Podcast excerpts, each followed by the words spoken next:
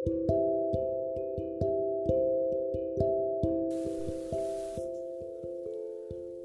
aku dan kamu yang disatukan menjadi kita. Eh, maaf. Nampaknya aku terlalu terburu-buru jika sudah menamai itu. Ya, kita yang aku ungkapkan adalah sebuah doa terbesar yang masih terahasiakan.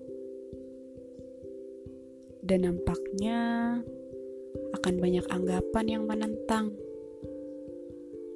Jadi, tetapkan saja menjadi aku dan kamu. Dua orang yang mungkin saling menaruh harapan, namun tetap saling diam. Hanya berani berangan-angan dan menaruh rahasia pada keadaan.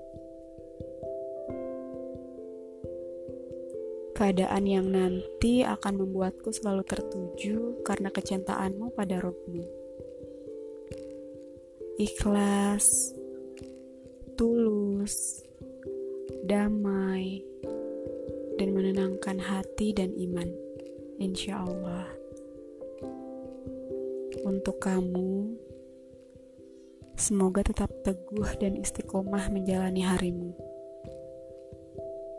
dan untuk masa depanmu, aku akan menjadi orang kedua untuk selalu berada di belakangmu setelah orang tuamu. Selamat menjalani hari baru, dunia baru, dan jenjang pendidikan yang baru. Doaku menyertaimu. Jangan lupa senyum simpul dan manisnya.